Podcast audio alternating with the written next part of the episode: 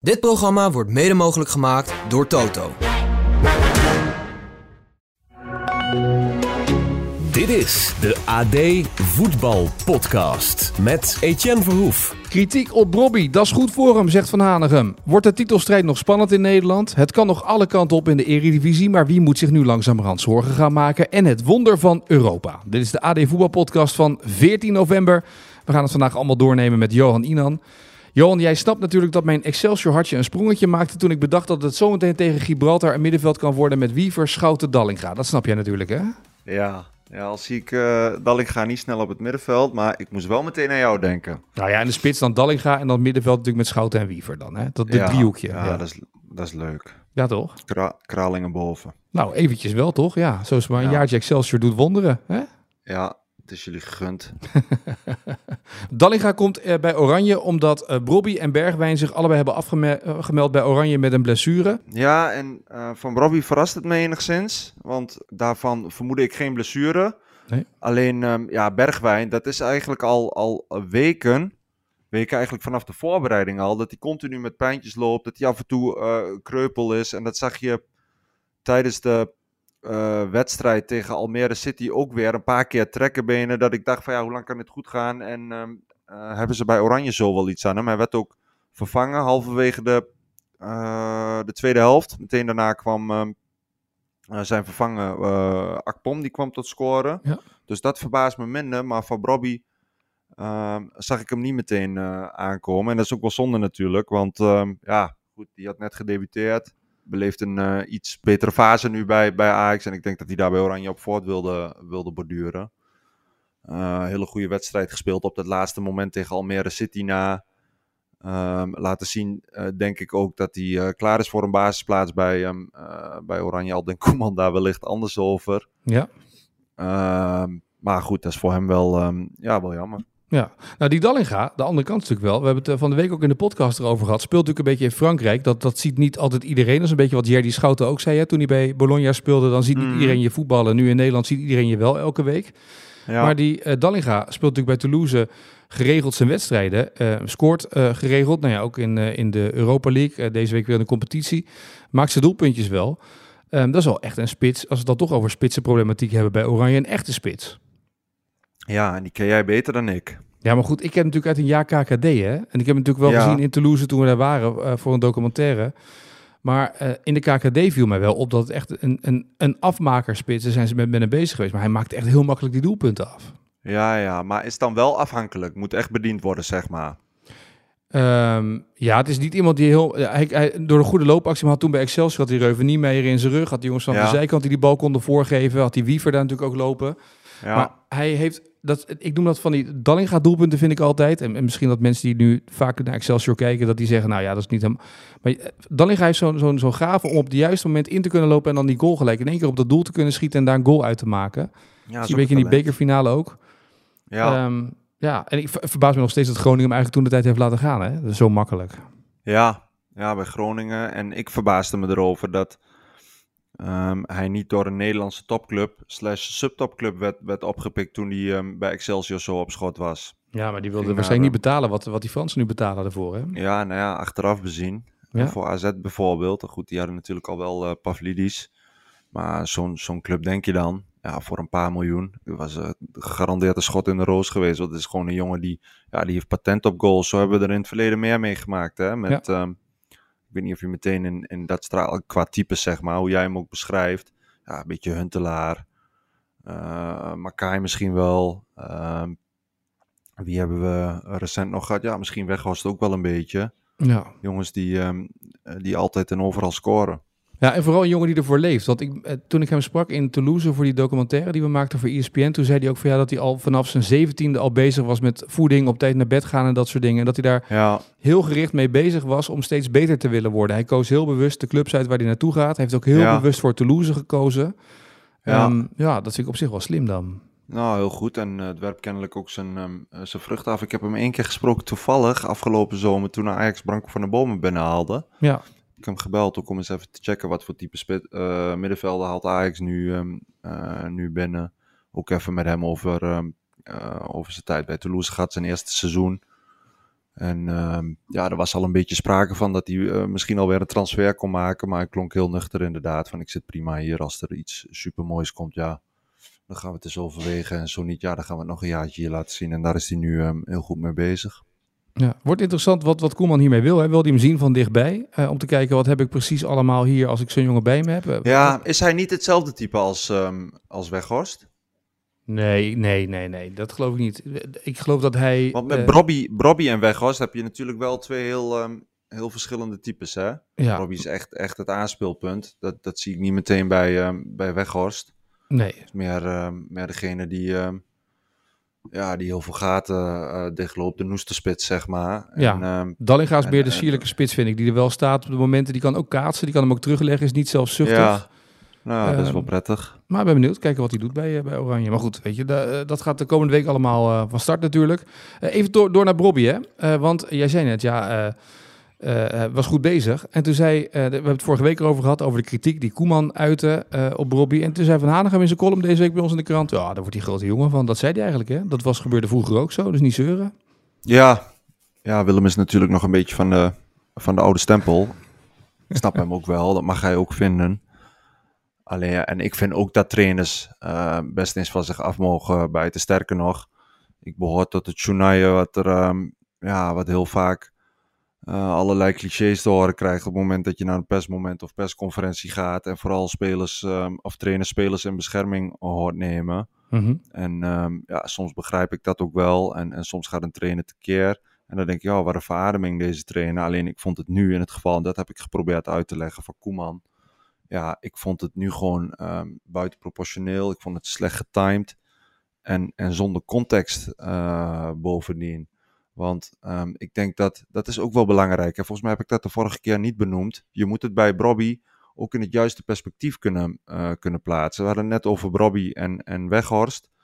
Ehm eh, Koeman had twee spitsen voordat Brobby ehm, eh, gisteren afhaakte. Weghorst en Brobby. De een heeft zich vanaf zijn jonge jaren eh 24-7 het snot voor de ogen gewerkt. En zich daarmee min of meer naar de top gebeukt. Mhm. Ook omdat hij niet op zijn fysieke gesteldheid en, en zijn talent kon, kon teren en varen. En Brobby, die fietste juist. Die zat meteen bij een topclub in de jeugd, bij Ajax. Die fietste door de opleiding, jaarlijks met tientallen goals. Ehm, en die hoefde daar helemaal niet zoveel moeite voor te doen. Omdat hij fysiek natuurlijk een gigantische voorsprong had. Hij was razendsnel. Ja, zo maakte hij elk seizoen ehm, eh, tientallen goals. Ja, dan vind ik het niet, als je dat weet, dan vind ik het ook niet gek als ehm, eh, die intrinsieke motivatie en dat maniacale, wat, wat Weghorst zeg maar heeft, ehm, dat dat bij Bobby nog ontbreekt als hij bij Ajax voor het eerst met, met tegenslagen te maken krijgt.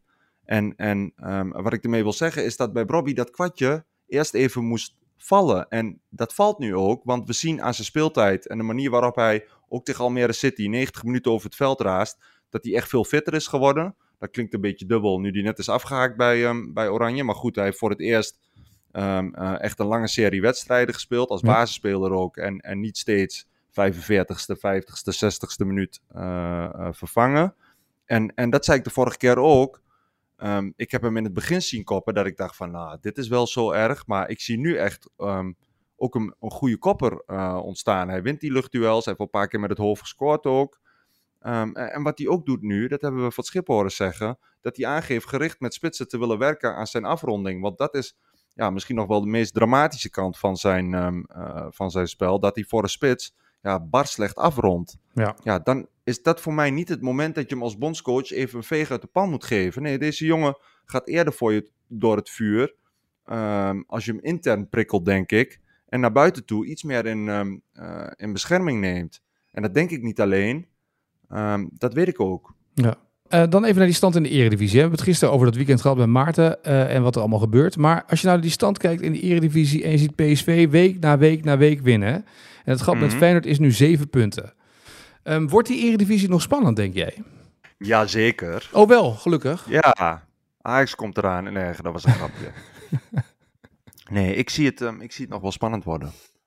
En ehm, ja, vind ik lastig. Dat is ook een beetje onderbuikgevoel. Omdat ik, ja, ik vind het spel van, van Feyenoord, ehm, als zij top zijn, vind ik het nog beter dan, dan dat van eh, PSV. Dat vind ik nog beter in, in elkaar steken. Dat is één ding. Feyenoord heeft al wat tegenslagen gehad. Die hebben ook al aangetoond uh, ermee om te kunnen gaan. PSV heeft die tegenslagen uh, nog niet echt gehad. En dan doel ik op, nou ja, goed, we hebben er, jij noemde net die ritzegen. Voor mij hebben ze nu 12 gespeeld, 36 punten. Ja. Dat is echt uitzonderlijk goed. Alleen uh, heeft het ze fysiek denk ik nog niet heel erg tegengezeten. Ik ben bijvoorbeeld benieuwd als Luc de Jong een, um, uh, een paar wedstrijden ontspreekt, uh, ontbreekt. Want daar heb je niet meteen een één op één uh, vervangen voor. En wat als, ik noem eens wat, laten we niet hopen, maar dat ze zich toch niet kwalificeren voor um, de knock fase van de Champions League. Dat soort tegenslagen, daar ben ik heel benieuwd hoe PSV daarmee omgaat. En het programma natuurlijk, want ja, we gaan nu, na de interlandbreak, een week of twee krijgen waarin we uh, waarin PSV echt gaat laten zien hoe, hoe ongenaakbaar ze zijn en of ze dat zijn. Ja. ja als ze daar ook doorheen fietsen, ja, dan hebben we de, uh, de gedoodverfde de kampioen. Die kunnen we wat mij betreft dan, dan aanwijzen. Maar ik ben nog niet zo ver dat ik zeg van... Ja hoor, zet de champagne maar vast koud. En, en mocht je nog een spaarcentje over hebben, zet het gerust in op, um, op PSV als landskampioen. Ja, na Twente, Sevilla, Feyenoord weten we eigenlijk meer, zeg jij. Na 14 wedstrijden. Ja, ja. ja dat, dat denk ik. Kijk, en, en, en wat kan... Maar die zeven punten dat... is veel, hè, die Feyenoord moet inhalen. Ja, dat zegt iedereen. Maar waar is dat op gebaseerd dan? Nou ja, Feyenoord laat ook punten liggen bij Twente. Uh, en, ja. kijk, dat ze in het begin van de competitie punten laten liggen ja. tegen Fortuna, oké. Okay. Maar, uh, nou ja, goed, ik baseer het ook een beetje op die quote die we... PSV gisteren... laat het veel ogen. Daar ben ik daar ben ik het wel mee eens, omdat die de wedstrijden heel makkelijk winnen. Nou ja, en, dat. Voor mij hebben ze in het begin een moeilijke gehad, of een, een wedstrijd uh, uit bij Vitesse, waarin ze uh, moeizaam wonnen. Ja. Maar verder is het steeds met een verschil van, van minimaal drie. En daardoor um, uh, lijkt dat, dat gat heel groot, en, heel groot. En dat heeft er ook mee te maken dat, ja, weet je, vroeger hadden we een subtop met een Heerenveen, met ja. een Groningen, met een Utrecht waarvan je wist, ja, die topclubs die gaan daar geheid ergens een, een uitglijden maken. Dat is natuurlijk minder en minder geworden. Daar kan ik me ook wel in vinden. Maar hey, Etienne, we hebben pas een derde van de competitie gehad, hè? Nee, dat klopt. Maar ik, hebben, laat, het alles, we hebben laat nog het twee derde zeggen. te gaan. En, en stel ja. dat Feyenoord wint voor PSV, die onderlinge wedstrijd. Ja, weet je, dat doet ook weer iets met de dynamiek in een groep. Dus ik ben, ik ben nog helemaal niet zo van een voorentscheiding en, en, um, en zulke dingen. Nee, wat, waar ik het misschien ook een beetje qua onderbuik op uh, baseer, is dat de woorden van Ryan Thomas gisteren, die we ook lieten horen in de podcast, die zei... Er zijn bij PSV zoveel mogelijkheden dat je eigenlijk nooit precies weet wat er gaat gebeuren. En volgens mij legde Maarten dat gisteren ook mooi uit. Bij, bij Feyenoord. Wapens. Uh, ja, de wapens bij PSV. Ze hebben en een spits die kan koppen en die kan afmaken. Ja. En ze hebben uh, de, met op de nummer 10 positie diverse mogelijkheden. En ze hebben die vleugelaanvallers. Ze hebben eigenlijk veel meer verrassing eigenlijk in dat elftal aanvallend ja. dan Feyenoord heeft. Terwijl Feyenoord misschien hier en daar het betere positiespel heeft. Ja, een, een, uh, een grote arsenaal aan wapens. Nou ja, goed, dat, dat vertelde ik in het begin. Dat ik ja. bij Feyenoord het spel uh, nog verzorgder, nog sneller vind als zij, als zij echt op een uh, top spelen. En dan moet je even die wedstrijd tegen Lazio bijvoorbeeld um, nemen. En aan de andere kant, ja, dat, daar ben ik het wel mee eens. de bank, dat is een ding. We hebben nu gezien dat Noah Lang geblesseerd raakt. Ik zei net van... Um, geen fysieke malaise ja. bij PSV. Nou, Noah Lang was natuurlijk wel een aderlating, maar het scheelt nogal als je Hurwing Lozano op de bank, bank hebt zitten. Dan, ja. dan ga je er niet eens, als je er al op achteruit gaat, niet eens um, zoveel op, op achteruit. Dus ja, de, uh, de bank is wel, een, uh, is wel een dingetje. En ik ben benieuwd of dat, of dat ook zo blijft in de winterstop. Wat Ja. gaan de clubs dan doen? Ja, nee, precies. Wie gaat er nog durven investeren? Want dat is ook wel weer de er vraag. get- wordt er nog getrokken aan spelers van, ehm, eh, van eh, PSV? We weten dat bijvoorbeeld Bakayoko heel goed ehm, eh, in de Premier League ligt. Ja. Dat soort dingen. Dus er kan, ja, weet je, er kan nog best veel gebeuren aan blessures, aan schorsingen, aan transfers. Ja. Ik vind het echt nog ehm, eh, te voorbarig om, om een nieuwe kampioen aan te wijzen. Maar dat PSV op dit moment de beste papieren heeft, ja, dat, ehm, dat lijkt me nogal eh, helder. Nou, dat, dat, diezelfde discussie gaat nu ook een beetje rondom plek 3 eh, natuurlijk. Hè? Want die, we hebben het gisteren zijn Maarten, ja, plek 1 en 2 geven allebei recht op Champions League. Dus dat is al de hoofdprijs. Maar ja, plek 3, die voorronde Champions League, is natuurlijk ook gewoon een hoofdprijs. En Ja, ja, Twente en AZ strijden daar een beetje om. Dat is ook een beetje stuivertje wisselen natuurlijk. De ene keer staat Ja. AZ weer boven Twente, dan Twente weer boven AZ. ja ehm, dat klopt. Maar het, Voor- ook daarin zou je kunnen zeggen dat, dat beide ploegen Vooralsnog elkaar... maken die twee het uit, ja. Ja, en niet heel veel voor elkaar onderdoen ook, hè? In, in, Nee. in spel en in kansen en spelers. Nee, loopt een beetje synchroon ook, hè? Ja. Dat ze, eh, volgens mij wonnen ze, wat was het, de eerste 5, 6. En vervolgens een paar keer puntverlies samen, winnen ze weer een paar. En ehm, eh, nu AZ weer wat minder. Twente wat um, onverwachts punten verspeeld tegen, tegen NEC. Maar de vraag, daar Dus ja. ook de vraag op, wat ga je dan doen in de winterstop? En ga je dan investeren met het oog op, oh, we kunnen misschien de voorronde Champions League halen of niet? Weet je, ga je dan nog wat extra's doen? Het zijn wel Dat wordt- vraagstukken. Dat wordt heel interessant. Ja. Ehm, en het antwoord daarop, dan moeten we een beetje kijken hoe, hoe die clubs eh, momenteel bestuurd worden. Het zijn Mhm. geen opportune clubs. Twente was dat natuurlijk wel in de tijd van, eh, van eh, Münsterman. Ja, dat was AZ ook in de tijd van Scheringa, dus ja. Scheringa, zeker, zeker. Maar ehm, inmiddels hebben ze al wel, ehm, is de realiteitszin daar wel, wel teruggekeerd. En ehm, ja, dat zo, AZ laat zich al jaren niet gek maken. Die doen nog steeds geen, ehm, ondanks dat ze al tal van spelers voor, ehm, eh, voor flinke sommen hebben verkocht, gaan ze nog steeds niet ehm, eh, bij de uitgaande transfers verder dan 3 of 4 miljoen. En, en Twente, ja, die doet nu na jaren weer een paar kleine investeringen. Denk aan ehm eh Jurie Regeer voor, ehm, eh, voor een miljoen. Karel Eiting ongeveer hetzelfde bedrag. Maar eh, het lijkt me sterk dat ze in Enschede nu ehm, met de nuchtere Arnold Brugging en Jan Strooijen aan het roer ineens met, eh, met meerdere miljoenen gaan smijten. Zeker. Het, we hebben het nu over de bovenkant van de eredivisie. Hè. We hebben het ook vaak over de onderkant van de eredivisie. Maar het is een hele lange onderkant. Hè. Die begint, nou ja, als je heel cynisch bent, bij plek 7 Excelsior tot plek nummer 18 Vitesse. En het gat daartussen is ook 7 punten. Eh, Ja. Dus ja, dat is natuurlijk in drie, vier, vijf wedstrijden kan zoiets gedaan zijn. Welke ploegen moeten zich nou echt zorgen gaan maken? Want of, of valt het allemaal nog wel mee? En omdat staat het zo dicht bij elkaar dat eigenlijk niemand zich zorgen hoeft te maken. Oh, er zijn er wel een paar waarvan ik zeg van, ehm, die hebben een probleem. En, en als ik bijvoorbeeld naar Heracles kijk, Mhm. ehm, de afgelopen weken, eh, van de mat geveegd door PSV. Nou, dan kun je van zeggen dat overkomt de meerdere, maar ook gewoon door amateurs uitgeschakeld in de beker. Ehm, tegen Herenveen 3-0 verloren geloof ik, kansloos. Eh 4-1 eh, bij Fortuna. Ja. En ehm, eh, wat, daaraan opvalt is dat ze A. ehm, heel veel goals tegenkrijgen. B. ehm, heel moeilijk zelf scoren. En, en door vier van zulke ne- nederlagen, eigenlijk vier blamages, ehm, het vertrouwen ook tot een nulpunt is gedaald. Waardoor ik denk dat ze dit ja, in Almelo heel moeilijk kunnen gaan, eh, kunnen gaan ombuigen.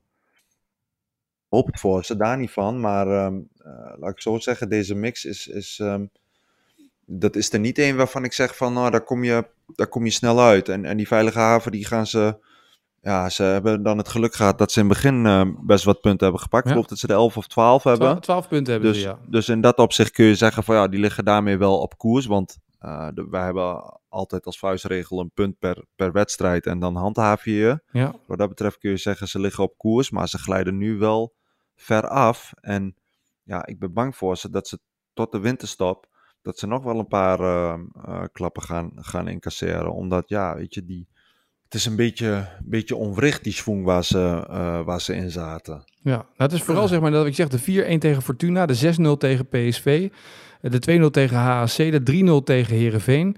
2-2 tegen Ja. Twente zit er dan tussen. De 4-0 nederlaag tegen Eagles. Ehm, de Ja. laatste overwinning was de 2-1 dan eh, tegen eh PEC Zwolle.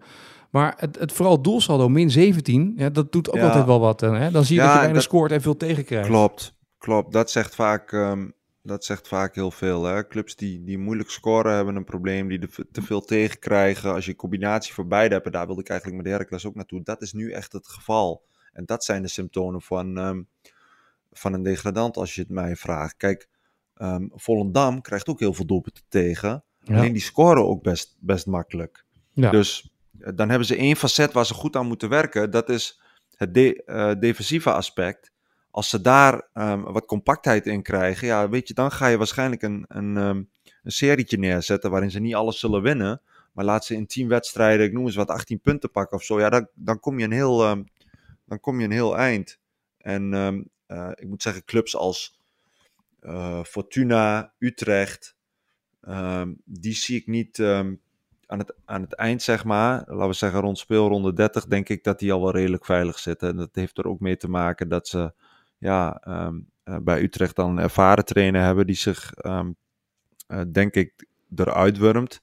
Bij Fortuna, ja, ik vind, ik vind ehm, eh, Danny Buis echt een eh, trainer die juist moet aanstellen als je je club voor, voor degradatie wil, wil behoeden. Ja. Want ja, die, die heeft zo'n mentaliteit dat die spelers niet laat verzaken. En als het een wedstrijdje minder is, dan, dan kun je ervan uitgaan dat ze de volgende wedstrijd weer vlijmschaat. Dat heb je tegen Heracles gezien. Dat was echt een, eh, Ja. ja, een, een klassiek zespunten duel. Ja, dan, dan staan ze er gewoon. En dat heeft denk ik ook met de mentaliteit van de trainer te maken. Dus Heracles, eh, zeg jij voorlopig, moet een beetje gaan opletten. Heracles, Volendam, Vitesse. RKC heeft me ook nog niet overtuigd. Nee. Volend- eh, Vitesse wordt heel interessant nu. Welke trainer komt daar? Wat gaan ze in de winterstop doen? Hoe gaat ehm, eh, die, die crisis rond die overname doorwerken? Of blijven doorwerken op, ehm, eh, op het veld? Dus ja, Vitesse wacht echt twee, ehm, eh, twee cruciale maanden. Die moeten, die moeten echt orde scheppen nu. Ja. In, in alle opzichten. Dat begint van bovenaf met, met de eigenaren. Ehm, en vervolgens ook ehm, ja, in de trainingskamer en, en in de selectie. Want laten we eerlijk zijn, Philip Cocu is dan, dat deed hij ook weer als een gentleman. Ja. Club waar hij begonnen is. Hij had ook kunnen zeggen van, want je hoorde aan die, aan die directeur ook. Die hoorde je gewoon zeggen van ja, als hij het niet had gedaan, dan, dan hadden wij het gedaan. Maar goed, een gentleman als hij is, dan, dan gaat Philip Cocu, die is dan niet zo kinderachtig om te zeggen, weet je wat, ik wacht gewoon even, dan krijg ik nog wat centen mee. En die, die trok gewoon zelf de stekker eruit. En ehm, ja, dat, dat vond ik wel chic van hem. Ja. Maar goed, het materiaal waar hij mee werkt, ja, dat houdt ook niet over. Je hebt eh, qua naam Room, Prupper, Van Ginkel. Ja, die laatste twee die eh, kennen we de laatste tijd vooral van, van hun blessures, wat voor Vitesse ontzettend zonde is. En dan heb je Million Manhoef nog, maar daar houdt het wel een beetje, een beetje op volgens mij. Melle Meulensteen. Ja. Ik, vind, ehm, ik vind nog niet dat ze een selectie hebben waarmee ze eh, zich even veilig spelen. Eh, Interessant is wat op de website een poll staan. En eh, wie moet dan de nieuwe trainer worden? En nou, Sturing natuurlijk, kind van, hè, van Arnhem. Oh, kind dat, van hè? Ja, die staat natuurlijk altijd bovenaan. stand, altijd. Standaard, de standaard interim die klaar Ja. staat. Bij Vitesse is dat Edward Sturing, die we nog allemaal van de voetbalplaatjes kennen met, met, met die stekels en de Ja. blokket. Etje interim. Maar Ja, los ja, van Etje bij, interim. Graaf- bij de graafschap Jan Vreeman. Ja, maar Sturing staat één. Maar weet je wie er op twee staat in die poll? Vond ik ook wel een aardige. Ehm nee, Maurice Stijn. Man. Maurice Stijn. Oké, Ja. oké. En toen dacht ik, nou, had ik nog niet over nagedacht. Maar Ja, ik weet niet of die van Ajax mag. En dat hij de hele of de halve afkoopsom krijgt dan van dat drie jaar contract dat hij ooit getekend heeft. Want het was volgens mij drie jaar, toch? Maar ehm, ja, zou ik ook wel snappen bij Vitesse. ja. Ja, nou ja. Hij heeft bij, ehm, bij Sparta bewezen. VVV. Ja, ja, VVV weet ik niet meer op welk moment hij erin stapte. Maar bij Sparta was het... ehm, ja, die waren eigenlijk al dood en begraven. Ja. En die heeft hij volledig laten, laten herreizen. Tot, tot de subtop van de Eredivisie en op randje van Europees voetbal aan toe. Dus ehm, vanuit dat ehm, opzicht zou ik zeggen... eh, misschien een geschikte kandidaat. Aan de andere kant, ja, weet je, het is een club met weinig mogelijkheden. En we hebben bij Ajax gezien hoe, ehm hoe Stijn, ja, toch ook wel eh, graag zijn stem en zijn stempel in de, in de selectie wil hebben. Dus ja, daar zullen ze wel even goed over, over na moeten denken. Dat als ze Stijn overwegen, ja, duidelijke afspraken maken over het aankoopbeleid. En, en in hoeverre hij daar een, ehm, een stem in heeft. En belangrijk ook naar buiten toe ehm, uitleggen hoe, ehm, eh, hoe je dat als club regisseert. Zodat Stijn vervolgens niet de vuile was buiten gaat hangen. Nee, als hè, nogmaals, als, als, als. Het is een Ja. op de website Ja, voor, voor het waard is. Hè? Maar goed, dat is wel Precies, een, ik, zie, ik zie alle knippen plaksites alweer. eh, Ja, alles overkloppen, precies. ja. Hey, eh, dan nog even tot slot, hè. Ik heb even een lijstje. Eh, en neem, eh, ga even mee. Engeland, Manchester City, Duitsland, Bayern München, Serie A, Italië, Inter. Ligue 1, Frankrijk, Paris Saint-Germain. Portugal, Benfica. Nederland, PSV. La Liga, Girona. ja, opvallende koploper. Ja. Budgetje van 50 miljoen, geloof ik, spelersbudget. Ja, heel bijzonder. Wel onderdeel van de Citigroup natuurlijk. En de, en en, en de broer van Pep Ja. is daar de, de, de grote baas, zeg maar. Het grote brein. Ja, Maar het is wel bijzonder dat het, dat het kleingeld, het wisselgeld eigenlijk zeg maar van Real Madrid en Barcelona eh, nu aan de kop gaat in La Liga, toch? ja, ja, dat is het zeker.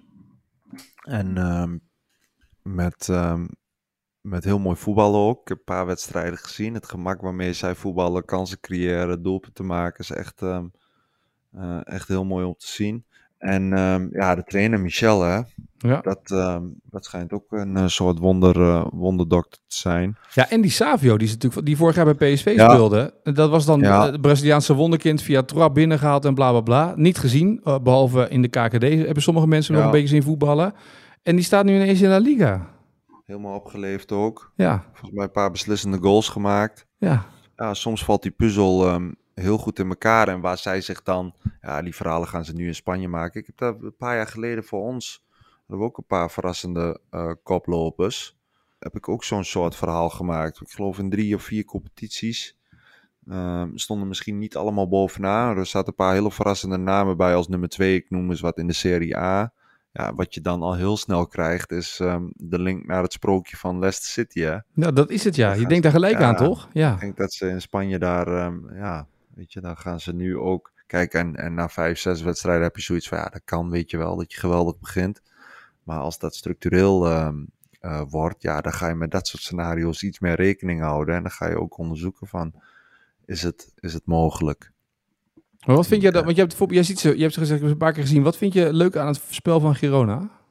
Nou, het is heel, ehm, ehm, heel dynamisch. En, en er zit ook heel veel veerkracht in die ploeg. Want ze hebben, ik geloof, de laatste drie, vier wedstrijden hebben ze ook een paar keer achter gestaan. Ja. En, en wat dan knap is, weet je, de ploeg, ploegen die onderin bungelen, vaak bij achterstand, dan, wordt het, dan is het de opmaat naar een, naar een fikse nederlaag. Maar deze ploeg heeft inmiddels zoveel vertrouwen dat ze.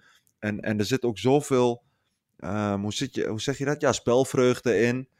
Eh, het lijkt ze niet te interesseren. En dan blijven ze gewoon doorgaan met aanvallen en bouwen en schaven. En, en voor je het weet hebben ze weer een paar doelpunten te pakken. En hebben ze de wedstrijd weer omgedraaid. Dat is echt heel mooi, eh, heel mooi om te zien. En wat ik zeg, ja, er zit gewoon heel veel voetbal in. En Daily Blind is daar natuurlijk ook een, eh, ja, een beetje personificatie van. Want dat een trainer ehm, besluit waar we in Nederland... waar er steeds meer mensen waren die zeiden van ja, die kan niet meer centraal achterin, is te traag, noem maar op. Ja, nou ja, volgens mij bewijzen be- ze bij Girona het tegendeel dat, dat als je goed staat ehm, eh, en, en ehm, in balbezit, als je dat belangrijker maakt dan, eh, dan het spelen zonder bal, ja, dan kun je met Daily Blind, daar heb je natuurlijk een geweldige centrale verdediger aan hem, want dat is, die geeft eigenlijk bij, bij elke aanval geeft hij een geweldige eerste slinger. Ja. Er zit heel veel verrassing in zijn, ehm, eh, in zijn opbouwspel. En eh, ja, dat is wel eh, mooi om te zien, ook voor hem ook. Bij, bij Ajax weggegaan, we weten allemaal hoe dat is gegaan. Nog Ja. verrassende transfer naar Bayern München, waar weinig gespeeld. En nu ehm, ja, op, zijn, op zijn oude dag, ehm, eh, los van een mooie competitie, eh, waar hij zit, ook natuurlijk in een prachtige, prachtige regio in Catalonië. Volgens mij, ehm, volgens mij vermaakt hij zich prima daar. Ja, ik moest wel lachen. Het doel van de trainer van eh, Michel was om eh, langer dan drie jaar in La Liga te blijven. Dat ze niet weer degraderen te snel. Dat is een mooi doel natuurlijk als club. Dat je gewoon zegt, ja, Ja. weet je wel, we willen gewoon zoveel jaar. Of, dat record dat we hebben, willen we langer. Willen we iets langer erin blijven. Ja, en nog zo'n voorbeeld is eh, Lille. Ja, ja, En, en dat zat hem erin ehm, dat zij in staat waren die hegemonie van, van Paris Saint-Germain, die er jaarlijks een paar honderd miljoen tegenaan gooiden. Weet je nog, een paar jaar Ja. geleden, ik geloof dat het, ja, moet ik even denken, 2000, nee, 2021 was. Mhm. Met Sven Bobman. Ja. Die hadden ze net bij eh Heerenveen weggehaald, van een miljoen of tien. ja. Dat viel ook, dat viel ook perfect, bij, perfect in elkaar. En, en, en soms heb je dat. Komt natuurlijk ook een beetje geluk bij kijken, maar vaak gaat er ook ehm, heel degelijk beleid aan, ehm, aan vooraf. Ja, precies. Ja, heel mooi. Het is mooi dat dat soort dingen dus voorbij kwamen. En mooi dat, eh, dat dit soort verhalen er ook zijn. Dit soort voetbalsprookjes gaan we altijd een beetje goed op, hè? Ge- Geromantiseerd. dat het Ja, grote geld mooi. niet altijd wint. Dat is een beetje het Het is heel toch? mooi. Dan zullen er ook mensen zijn die zoiets hebben van ja, maar dit is wel met het grote eh, oliegeld gebeurd. Ja, dat is zo, maar dat maakt het ehm, gezien de namen en het budget waar ze mee zij werken, denk ik niet minder knap. Zeker. Nou, tot slot, Johan, gaan we naar de vraag van vandaag in deze dagelijkse podcast. Ben je er klaar voor? Ja, De vraag van vandaag. De vraag kwam van Hessel Bootsma, eh, een van onze luisteraars. En die ging over eh, de topscorers, all-time topscorers van de Champions League. Cristiano Ronaldo is daar natuurlijk uh, boos daar bovenaan die lijst. Uh, maar de vraag van Hessel aan uh, ons en aan de luisteraars was dus... Uh, welke speler staat het hoogst op die all-time topscorerslijst voor de Champions League... zonder ooit de cup met de grote oren te hebben gewonnen... En ik zei het al, eh, met deze dag, met deze, deze week, is er ergens op de dag een eh ginpakket te winnen van Van Linschoten. Eh, was niet vandaag trouwens, maar heel veel inzendingen die we al binnen hebben gekregen vandaag. Heel veel mensen die het goede antwoord dachten te weten. Eh, ook mensen die het niet wisten. Maar weet jij het? Ja, moet ik gokken? Ja? Nou ja, Van Nistelrooy? Nou, uitstekend gegokt, moet ik eerlijk Echt zeggen. waar? Ja, dat heb je goed gegokt, Johan. Ja, je denkt bij spelers die de Champions League niet hebben gewonnen, spitsen, denk je meteen aan een, ehm, een aantal namen. Dat is de, laten we zeggen, de gezette Ronaldo. Ja, Dat is Ruud van Nistelrooy, Zlatan. ja. staat En, kwam ook eh, veel voorbij, ja, klopt. Ja, Ja. ja. Dus, ehm, en daar, vanuit die, van die drie gokte ik op Van Nistelrooy. En dan bleek meteen, eh bleek meteen door te gaan voor het gympakket. Nou ja, nee, je hebt nog niet het gympakket gewonnen. Sorry, dat is, eh, dat is te vroeg. Hè? Nee, dat, dat komt ergens deze week voorbij. Was niet deze dag. Eh, trouwens, even de eervolle vermeldingen. Eh, Erik Zevenhuizen had het goed. Dus eh, bij de, vandaar eh, de hulde. En ook Thijs eh Hallewas had het ook goed. Eh, dus eh, ook eh, dat van harte gefeliciteerd. Vragen kwamen binnen via Instagram en eh, via X natuurlijk. Elke dag kiezen we een aantal mensen uit die ook de eervolle vermelding krijgen. Maar ja, nu Johan. Nu mag jij de vraag voor morgen neerleggen voor onze luisteraars. Nou, we noemden net al het rijtje clubs van Thijs Dallinga. Dat ging van Groningen naar Excelsior en van Excelsior naar Toulouse. Maar daarvoor heeft hij voor een andere club in Nederland gedebuteerd in het betaald voetbal. Welke club was dat?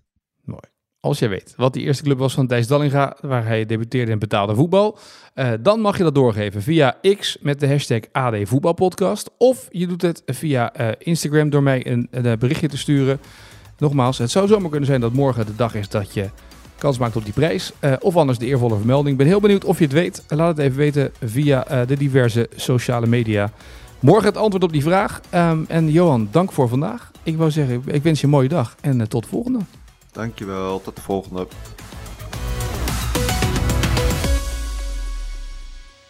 Dit programma werd mede mogelijk gemaakt door Toto.